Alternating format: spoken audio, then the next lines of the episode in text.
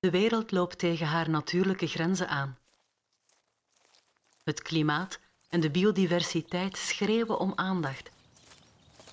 Het onveiligheidsgevoel en de ongelijkheid tussen arm en rijk neemt steeds meer toe. Mensen die organisaties leiden, kunnen deze problemen groter maken. Of ze kunnen oplossingen bieden. Om acties te ondernemen die de klimaatsverandering afremmen, de biodiversiteit beschermen en herstellen en sociale ongelijkheid verkleinen, is leiderschap nodig dat vertrekt vanuit harmonie met de natuur. Wat voor soort leiderschap is dat? En hoe doe je dat in de praktijk? Welkom bij The Expedition, een podcast van Expedition Good Life met Daan van Lid als host. In deze podcast gaan we samen op zoek naar leiderschap dat zich ten dienste stelt van een betere wereld. Een wereld waarin we leven in harmonie met de natuur, waarin we ons veiliger en gelijker voelen. Wat kan de natuur zelf ons daarover leren? Welkom bij deel 2 van de Expedition met Wim van Aken. Wim van Aken is trainer bij B-Talent en La Jeune Tous en werkt met mensen op het gebied van leiderschap gebaseerd op de natuur en de wijsheden van natuurvolkeren. In deel 1 sprak ik met Wim over het feit dat wij voelende wezens zijn in plaats van denkende wezens. Dat wij kunnen leren van natuurvolkeren dat we allemaal onderdeel zijn van dezelfde kringloop.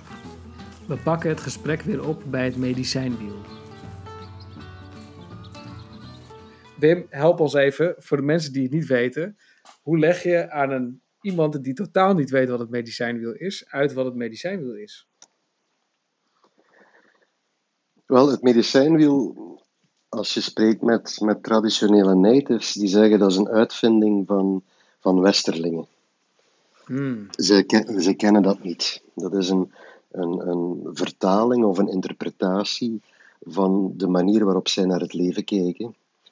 En, maar dat is zo'n goede vertaling en, en dat ze dat zelf hebben ook overgenomen, hè, dat begrip medicijnwiel. En, en je hebt het al benoemd, hè, de vier windrichtingen. Dat komt al dichterbij hoe zij daar naar kijken. En, en dat, dat sluit naadloos aan wat we al besproken hebben, zojuist. Dit is een manier om, om de werkelijkheid uh, te zien, een manier om de werkelijkheid uh, te, te ordenen. Of beter gezegd, om, om onze blik, uh, om onze blik te verhelderen, om die werkelijkheid beter te zien. Ik ga het zo zeggen. Hmm. het medicijnwiel is een ordening van, van, van die kringloop waar we het over gehad hebben. De zon komt op in het oosten. De zon staat in het zuiden het hoogste en gaat onder in het westen. En in het noorden is de nacht. Dat is een dagelijkse kringloop. Net zoals je de lente, de zomer, de herfst en de winter hebt. Net zoals je de geboorte, de kindertijd, de jeugd, de volwassenheid, de ouderdom en de dood hebt. Dus ze gaan overal die kringloop in herkennen. En, en ze brengen dat samen in, in wat wij noemen het medicijnwiel, waar dat een geordend geheel wordt. Nu, dat is geen, geen, zijn geen hoge theorieën of, of uh, moeilijke filosofische concepten, maar eigenlijk is dat heel eenvoudig. Welke patronen herkennen we in het leven? Welke patronen zien we terug? die, die betekenis geven, die ook houvast geven. Het medicijnwiel, we hebben allemaal ons eigen medicijnwiel. Wij vormen, ieder van ons, wij vormen het, het centrum van ons universum. Ik ben het centrum van mijn universum en voor mij en, en achter mij en links en rechts van mij, boven en onder mij heb ik die windrichtingen. En, en, jij bent het centrum van jouw universum. Ik ben, ik ben niet het centrum van jouw universum en jij niet het centrum van mijn universum. En dus dat, dat medicijnwiel is een, een manier om, om de werkelijkheid te benoemen, te ordenen en, en betekenis te geven aan die kringloop. en, Sla, en slaat het ergens op, Daan? Ja, ja, ze slaat zeker ergens op. En, en, en, ik merk zelf altijd, want uh, ik gebruik hem ook veel in de trainingen uh, en mijn dagelijks leven ook. Um, het is alleen, merk ik bij het medicijnwiel, het is ook gewoon veel. Er zit heel veel in. Wat, wat je net ook beschreef, hè? de kringloop van het leven zit erin, maar ook de dagelijkse cyclus zit erin, de seizoenen zitten erin. Uh, maar als je daar verder naar kijkt, zitten er ook thema's in. Er zitten ook elementen van de natuur in. Hè? Dus thema's bedoel ik mee, bijvoorbeeld gedragingen, hè? het nieuwe begin, angst en vertrouwen, kwetsbaarheid, eh, dat soort dingen. Er zitten elementen van de natuur in, zoals aarde, steen. Eh, er zitten onderdelen van ons uh, persoonlijk leiderschap, noem ik het dan maar even, mentaal, fysiek, emotioneel, spiritueel. Er zitten allemaal in. Hoe, hoe worden wij daar dan nog wijs uit? Hoe, hoe gebruiken we dat um, in het dagelijks leven? Dat is een, een goede vraag, Daan. Ik denk, denk, dat het goed is om te vereenvoudigen. En, en zo'n model, laten we het zo noemen, zo'n een, een gedachtegoed, dat, dat, het, dat patroon mm-hmm. van het leven hier op onze aarde uh, erkent, gelijk je zegt, hè, uh, geboren worden enzovoort. Ja, daar kan je heel veel in mm-hmm. steken. Hè. Je kan er heel veel, en je kan het ook gaan conceptualiseren en je kan er ook over gaan filosoferen. En, en ik denk dat het een goed idee is om dat net niet te doen. Die, die uh, traditionele ceremonieleider van die eerste zweethut, waar ik er straks over sprak, die man die kon daar heel mooi over vertellen. Die zegt, een van de, de grootste vragen die wij mensen, dat is eigen aan mens zijn, ons stellen is, waarom leven wij? Wat is de zin van het leven? Moeder, waarom leven wij? dat is eigen aan, aan mensen om zich die vraag te stellen. Wij zijn de enige soort die dat doet. Dat maakt ons uniek. En die, die vraag is dan ook oeroud, zegt hij. En, en als je kijkt naar westerse tradities, jullie gaan over die vraag gaan nadenken, gaan filosoferen, jullie gaan daar zelf antwoorden op verzinnen. Ondertussen is die filosofische traditie uh, zo gevorderd dat je echt heel hard moet studeren om die antwoorden op die vragen nog te kunnen begrijpen. Zegt hij, wij doen dat niet. Als wij zulke vragen hebben, gaan wij die antwoorden niet zelf verzinnen. Want dat zullen altijd zelf verzonnen antwoorden blijven. Wat wij gaan doen is, wij gaan kijken en luisteren. We gaan niet het antwoord zelf geven op zo'n vraag. En, en die man zegt, als ik mij afvraag wat is de zin van het leven, dan ga ik kijken en luisteren. En dit is een van de redenen waarom die ongerijpte natuur betekenis heeft. Als je gaat kijken en luisteren in de ongerijpte natuur, dan ga je dus geen antwoorden krijgen die door mensen zijn verzonnen. Want als je in Brussel op een terrasje gaat zitten met de vraag waarom leven wij, ja, dan ga je daar heel wat andere antwoorden uh, te zien krijgen dan wanneer je uh, in de Corrèze in, in, in een bos gaat zitten. En die man die zegt, als ik in de natuur ga zitten en ik stel me die vraag, wat is de zin van het leven, en ik kijk rond mij, dan zie ik het antwoord. Overal, zegt hij. Het antwoord is, de zin van het leven is geboren worden, groeien, bloeien en sterven. Dat is wat ik rond mij zie, zegt hij. Dat is wat in de natuur overal gebeurt. Alles wordt geboren, groeit, bloeit en uiteindelijk sterft ook weer. Zelfs de bergen.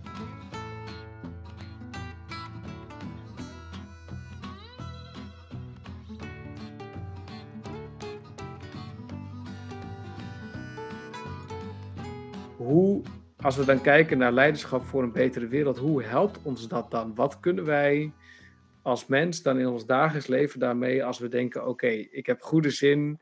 Uh, waarschijnlijk veel van deze mensen die naar deze podcast luisteren, hebben ergens iets met een, uh, uh, met een betere wereld. Ze willen bij, een steentje bijdragen. Hoe, hoe kan dit mij dan helpen? Hoe, hoe doe ik dit dan in de dagelijkse praktijk? Ja, dat is, dat is de vraag natuurlijk. Kijk, als je kijkt naar die kringloop waar we deel van uitmaken, als je weet dat het water dat ik drink, dat dat ook gaat gedronken worden door de kinderen van mijn kleinkinderen. Dat is hetzelfde water. Hmm. Dan denk ik dat een, een, een, een goed leiderschap betekent dat ik zorg dat zij ook proper, zuiver, helder water kunnen drinken. Als ik uh, weet dat, dat de lucht die ik inadem, dat dat dezelfde lucht is die door onze verste voorouders werd ingeademd en die zo ook zal worden ingeademd door uh, onze achter, achter, achter kleinkinderen, dan denk ik dat goed leiderschap betekent dat ik zorg dat ze ook propere, zuivere lucht kunnen inademen. Hmm. En wij worden, denk ik, uh, op dit moment geconfronteerd met, met een enorme uitdaging. Van ja, hoe gaan we daarvoor zorg dragen dat we die kringloop niet dusdanig gaan beïnvloeden, gaan vervuilen, dat het voor mensen alvast heel moeilijk gaat worden om hier nog op een gezonde uh, manier te gaan leven. En ik denk dat we op dit moment echt wel voor die uitdaging staan. En, en dat heel wat uh, in het rood staan als ik de wetenschap uh, hoor. En ik, ik, volg voor mijn werk altijd de wetenschap. Ik heb hmm. gemerkt dat die natuurvolkeren, die leunen het dichtst aan bij wetenschap.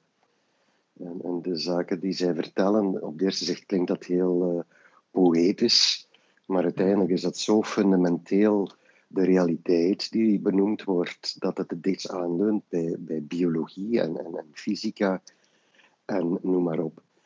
En, en, dus wat dat betreft denk ik dat onze wetenschap duidelijk is. Van, wij dienen echt op een heel andere manier te moeten gaan uh, leven, te moeten gaan uh, zorg dragen voor onszelf en elkaar. En, en, dus ik denk dat daar de voornaamste uitdaging zit in, in leiderschap. Ja. En dat is natuurlijk niet vanzelfsprekend hè, als je ergens in een organisatie zit en, en, en ja, je bent daar uh, manager van jouw afdeling. En ik denk dat het begint met, met het erkennen van die realiteit opnieuw. En, en, ik zie dat heel vaak die realiteit nog altijd niet erkend wordt. En, hmm. en dat, dat gaat over heel kleine zaken, hè, van doe het licht uit als je de ruimte verlaat. Je, je, kan je niet voorstellen, Daan, wat een energie dat er verspild wordt, ook vandaag met al die dure prijzen. Ramen die ja. openstaan omwille van de corona en verwarmingen die op maximum staan, omdat mensen toch graag een beetje warm hebben. Ja. En, en, en dit, lijkt uh, misschien banaal, maar mm voor, voor mij is een erkenning van de realiteit van kijk, als ik klaar ben, zet ik die verwarming uit en, en doe ik dat licht uit. Dit is een erkenning van de realiteit. Ik ga daar niks mee veranderen of oplossen. Maar in ieder geval erken ik de realiteit. Vorig jaar was in, in, in, in, eh, bij de Vlaamse televisie was een jonge vrouw, echt een heel jonge vrouw uit het Amazone, Wout te gast. Zij was een native. Uh, en ze waren in Europa omdat er een belangrijk handelsakkoord met Brazilië werd gestemd in Brussel, de Europese Unie. En voor hen was het ontzettend belangrijk, dat handelsakkoord. Want dat had een enorme impact op, op, op hun leven, hun leefwijze, op het Amazonewoud. Maar hier in de media was er heel weinig aandacht voor. En, maar tot mijn, mijn aangename verrassing was die dame te gast in, in, in de studio van, van onze nieuwsdienst. En, en, het, uh, en, en dat was heel bijzonder. Ze zat er een traditionele klederdracht. Het was, het was eigenlijk nog een meisje, het was een heel jonge vrouw. Met, met een prachtige verentrooi. En, en, en het was heel bijzonder om, om de reactie te zien van, van de presentatrice. Een gerenommeerde journaliste hier bij ons. En, en de andere studiogasten, dat was een, een, een, een politieker en, en een, een redacteur van, van een weekblad, hoe dat zij reageerde op haar aanwezigheid. Dat was, en, en ja, wat ik daar kon zien was, dat er zat maar één volwassene in die ruimte. En dat was die, die jonge vrouw. Haar houding, haar attitude, haar manier van spreken en vooral haar erkennen van de realiteit. De vragen gingen eerst en vooral over een soort van verbazing. Waarom draag jij deze vreemde kleren? Een soort van kinderlijke geamuseerdheid. En zij vertelde, omdat het voor mij bijzonder spannend is om, om mijn omgeving te verlaten. En, en hier in dit, dit vreemde land te zijn. En dit geeft mij alvast, zegt ze, mijn identiteit. Wie ben ik? Waar sta ik? En, en daardoor kan ik mijn trots en mijn waardigheid makkelijker, makkelijker bewaren in deze televisiestudio. En, en al heel gauw ging het erover. Ze zegt, uh, de impact van, van wat jullie doen op het Amazonewoud, dat heeft niet alleen impact op mij en, en op mijn uh, verwanten en op ons en onze levenswijze. Dat heeft ook impact op jullie. Dat woud, dat zijn de longen van deze aarde. En hoe meer dat er van die longen wordt uh, vernietigd, hoe minder uh, de, de lucht leefbaar wordt. Ook voor jullie kinderen en kleinkinderen en achterkleinkinderen. En, en wat mij angst aanjaagt, zegt ze, is dat jullie daar niet bij stil te lijken staan. Dat jullie zo met andere dingen bezig zijn. En, en die vrouw, louter dat, dat beeld, al heb ik al heel wat nijters ontmoet, dat beeld blijft me zo bij. Ja. En, en heel vaak uh, denk ik aan haar. En heel vaak vraag ik me af als ik iets doe, al is het maar hier in huis, als ik weer een beetje verpakking uh, aan het loswikkelen ben, dan vraag ik me af, als zij hier nu in mijn keuken zou staan, hoe zou ik aan haar uitleggen wat ik aan het doen ben? Eh, hoe zou ik dat eh, aan haar uitleggen? En, en dat is voor mij, dat is voor mij de, de essentie van leiderschap. Vanuit jouw eigen natuur, jouw eigen waardigheid, jouw eigen waarheid spreken, zonder te oordelen, zonder uh, te, te uh, af te wijzen, maar enkel vanuit die waarheid de vraag stellen van waarom doen jullie dit? En, en, hmm. en als ik dat dan vertaal naar mijn dagelijkse werk, hè, uh, praat ik niet over, over natuurrampen als ik training geef. Ik zeg maar iets hè, aan, aan, een manager. Maar het gaat mij wel over van wie zit hier voor mij? Die hmm. vrouw, die man en op welke manier drukt zij of hij zichzelf uit? Op welke manier spreekt hij? En, en wat vertelt zij? En, en kan ik daarmee relateren hier en nu, in deze ruimte, in deze vergaderzaal? En als dat, ja, en, en ik ga, kom ik terug op wat ik daar straks zei, ik ga mijn waarheid spreken. Vanuit mijn waardigheid, vanuit mijn realiteit, om tot een gezamenlijke realiteit te komen. En, en, of dat nu is van uh, het gaat goed in ons team en ik doe mijn werk graag. Ik hou van mijn werk en dat heeft betekenis voor mij. Of het gaat niet goed in ons team en, en, en er is heel veel stress en, en burn-out en, en mensen, mensen worstelen om, om, om deadlines te halen en er is geen motivatie meer. Wat is de realiteit hier? En, en dat stukje reis dat wij maken in die eeuwige kringloop, mm. hoe, hoe, gaat dat? Natives noemen, spreken over walk in beauty. En, en, en, ga in schoonheid. Natives spreken over, over in harmonie gaan op je pad als mens. En die harmonie kan je ook vinden in, in de boardroom van een bedrijf. Waar zit hier de harmonie? Waar, waar, waar zit hier de realiteit? Hoe relateren wij met elkaar? En, en op die manier loopt dat door in, in al mijn werk naar mijn kinderen toe. En, en, als ik in een boardroom zit, mijn kinderen zitten altijd naast mij. Niet letterlijk. Ja, ja. Jammer genoeg, want dat gaat niet. Als het kan, doe ik het hoor. Echt waar. Ja, Dan, als het kan, neem ik, neem ik mijn kinderen mee naar mijn werk. En, en nu, dat is niet altijd mogelijk. Maar, maar ze zitten wel naast mij in mijn, in, mijn, in mijn werkelijkheid. En alles wat ik doe, alles wat ik zeg, dat doe ik ook voor hen. Dat zeg ik ook voor hen en voor hun kinderen.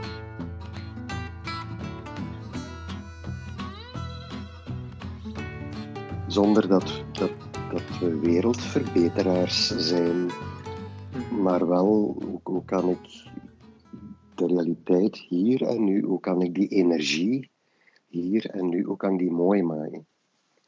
Ja. Hoe kan ik, en, en mooi maken, dat is niet eh, eh, een schone façade geven Nee, nee. of op, ophemelen, maar dat is net met je twee voeten in de realiteit gaan staan.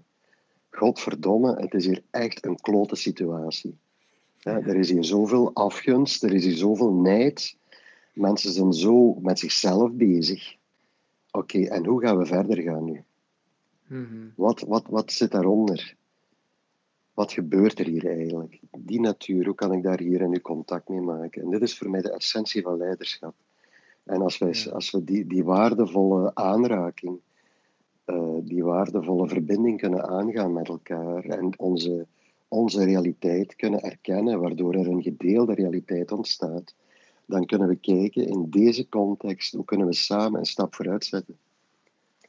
En met die stap een, dicht, een beetje dichter bij onszelf kunnen komen en een beetje dichter bij elkaar kunnen komen. En voor mij is het belangrijkste, Daan, en dit is ook een van de redenen waarom die natuurvolkeren zo'n inspiratie vormen. Het belangrijkste Mhm. is om daar telkens weer de realiteit in te blijven zien. Want de valkuil is dat we het mooier gaan maken, omdat we het zo graag Ja. hebben dat het mooi is. Snap je? De valkuil is dat we, dat we snel resultaat willen hebben. En, Mhm. en dat we het al snel de realiteit weer toedekken met hoe wij denken of hoe dat wij willen dat het is. En dat is de grote valkuil en, en dat, dat zie ik eh, heel vaak gebeuren ook. En, en dat is bijvoorbeeld in ons vak. Hè. Eh, dat is een valkuil. Het programma eindigt straks om vijf Ja. uur. En ik wil graag op een positieve manier eindigen. En, Ja. en eh, je kan die zaken ook niet forceren. Maar hoe meer dat je, dat je die, die patronen hè, van het medicijnwiel, van geboren, groeien, bloeien, eh, ochtend, middag, dag, avond, hoe meer dat je die patronen daar verbinding mee maakt en die patronen ook in jezelf kan erkennen, herkennen en vooral belichamen, hoe makkelijker het wordt ook om die patronen in je werk mee te nemen en in een groep mee te nemen. En dus een, een, een cyclus doorheen de dag te laten ontstaan. Door heel eenvoudige, traditionele eh, ja, patronen mee te nemen in mijn werk. Bijvoorbeeld, we zitten in een cirkel. En ik begin Mhm. altijd door met de zon mee iedereen te laten spreken. Zodat Ja. iedereen energie in de cirkel inbrengt. En dan oog hebben voor wat breng je in de cirkel. Wat, welke energie breng jij in de cirkel. Dus dat ik een beetje kan proeven van hoe hanteer jij die energie. Zoals ik daar straks zei, voor mij is het puur biologie. Ja, ja. Wat zijn wij mensen? Ja, wij, wij, wij genereren energie hè, door te eten, Mhm. door de zon. En, en wat doen wij met die energie? Wat creëren we? We kunnen materiële dingen creëren. We kunnen ook, ook eh, immateriële dingen creëren, zoals een sfeer. We kunnen elkaar laten lachen. We kunnen een, een hele ruimte eh, optillen eh, door, door, door mensen naar, naar een hogere, hoe noem je dat, een hogere sfeer te tillen, door, door vrolijkheid te laten ontstaan. Ook weer daar altijd vanuit de werkelijkheid. Dus, dus geen milde vorm van hysterie, maar, maar, maar, maar een, een, een diepe, echte vreugde die diep van binnen komt, vanuit, vanuit ons centrum, vanuit onze, vanuit onze bron, onze natuur, En onze buik. Hè. Als je Ja. kijkt naar, naar de biologie van ons lichaam, dat is de nervus vagus, dat deel van ons zenuwstelsel dat verantwoordelijk is voor onze sociale interactie. En die nervus vagus, hè, die, die, die, die begint in de buik. En, en het buikgevoel, dat is, dat is meer dan poëzie, dat is ook biologie. Ja. En, en echtheid, authenticiteit, dat is de buik, vanuit de buik. En als, ik, als je kijkt naar de neurale activiteit bij heel veel mensen in onze cultuur, er is heel weinig buik nog. Wij zijn daarvan Mhm. afgesloten. En voor heel veel traditionele culturen is dat het centrum. Hochokan, voor de Mhm. Lakota uit Noord-Amerika. Dat is jouw innerlijke altaar daar, diep in je buik, onder je navel. De. Tantien, hè, voor het traditionele China bijvoorbeeld. Dat, dat centrum, maar als je kijkt naar de biologie, dat is dat, is dat deel van de nervus vagus. dat zo belangrijk is in onze menselijke interactie. En als we daar geen connectie bij hebben, als daar weinig neurale activiteit is, dan hebben we weinig contact met die natuur, met onze natuur. En ook weer Antonio Damasio, de, de neuroloog uit Californië, mhm. heeft daar een prachtig boek over geschreven, The Strange Order of Things, waarin hij, hij louter via de neurologie en ons zenuwstelsel toont dat alles van onze menselijke cultuur, alles begint in de buik. Wow. Daar begint het. De architectuur, de poëzie, uh, onze meest ingenieuze uh, machines, alles is daar ontstaan. Het is een prachtig boek, The Strange Order of Things. We hebben drie breinen volgens onze neurologen. In ons zenuwstelsel zitten drie grote neurale clusters: de buik, het hart en het hoofd. Het hart is een hmm. spier, rond die spier zit de hartzak. Rond die hartzak zit een enorm netwerk van neurale verbindingen. En als je louter kijkt naar de activiteit, de neurotransmissie in dat deel van ons zenuwstelsel, dan ga je zien dat in onze cultuur veel mensen een heet hoofd hebben, veel neurale activiteit in het hoofd en een koud hart. Weinig neurale activiteit rond het hart. Dus letterlijk een koud hart. Yes. Ja. En het gaat erom hoe kan ik het hart warm houden en het hoofd koel houden. En dan ga je wat meer balans creëren daar in die nervus vagus. En hoe kan ik het vuur in mijn buik, de fire in the belly, hoe kan ik dat hoeden? Hoe kan ik dat vuur hoeden, dat dat brandt op een mooie manier?